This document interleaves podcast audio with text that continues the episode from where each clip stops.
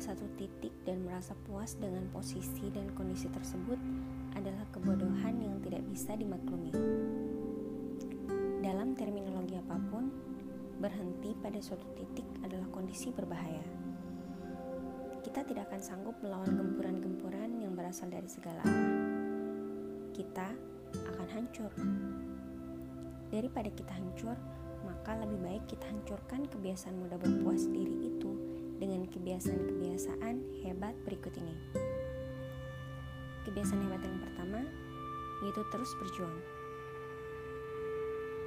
Berpuas diri dengan prestasi yang kita dapat hari ini hanyalah akan menyia-nyiakan prestasi yang telah kita raih. Sebab sejatinya prestasi itu selalu bergerak dari satu tempat ke tempat yang lain Juara tinju dunia hari ini bisa saja tidak lagi menjadi juara dunia tahun depan, sebab dikalahkan petinju lain.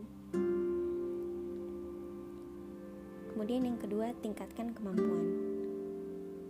Berhenti mempelajari semua hal adalah langkah mematikan prestasi. Untuk menjadi seorang ahli, kita harus belajar semua faktor yang mendukung keahlian kita. Mempelajari semua hal akan baik untuk menambah wawasan dan kebijakan sehingga kita bisa dengan sigap dan cepat membuat keputusan yang sempurna. Kebiasaan hebat yang terakhir yaitu ciptakan mimpi baru. Orang yang selalu menciptakan mimpi baru akan terus semangat bergerak, tidak terlena dalam kepuasan yang sifatnya hanya sesaat. Mimpi baru akan mengganjal pikiran dan tubuh kita lebih produktif.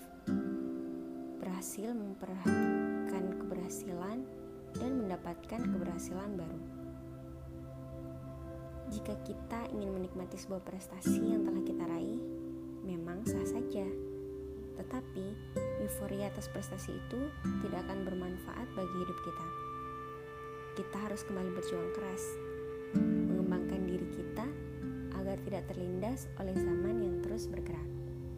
Maka, kebiasaan hebat untuk menghancurkan perasaan muda berpuas diri itu ada tiga yaitu terus berjuang, meningkatkan kemampuan, dan menciptakan mimpi baru.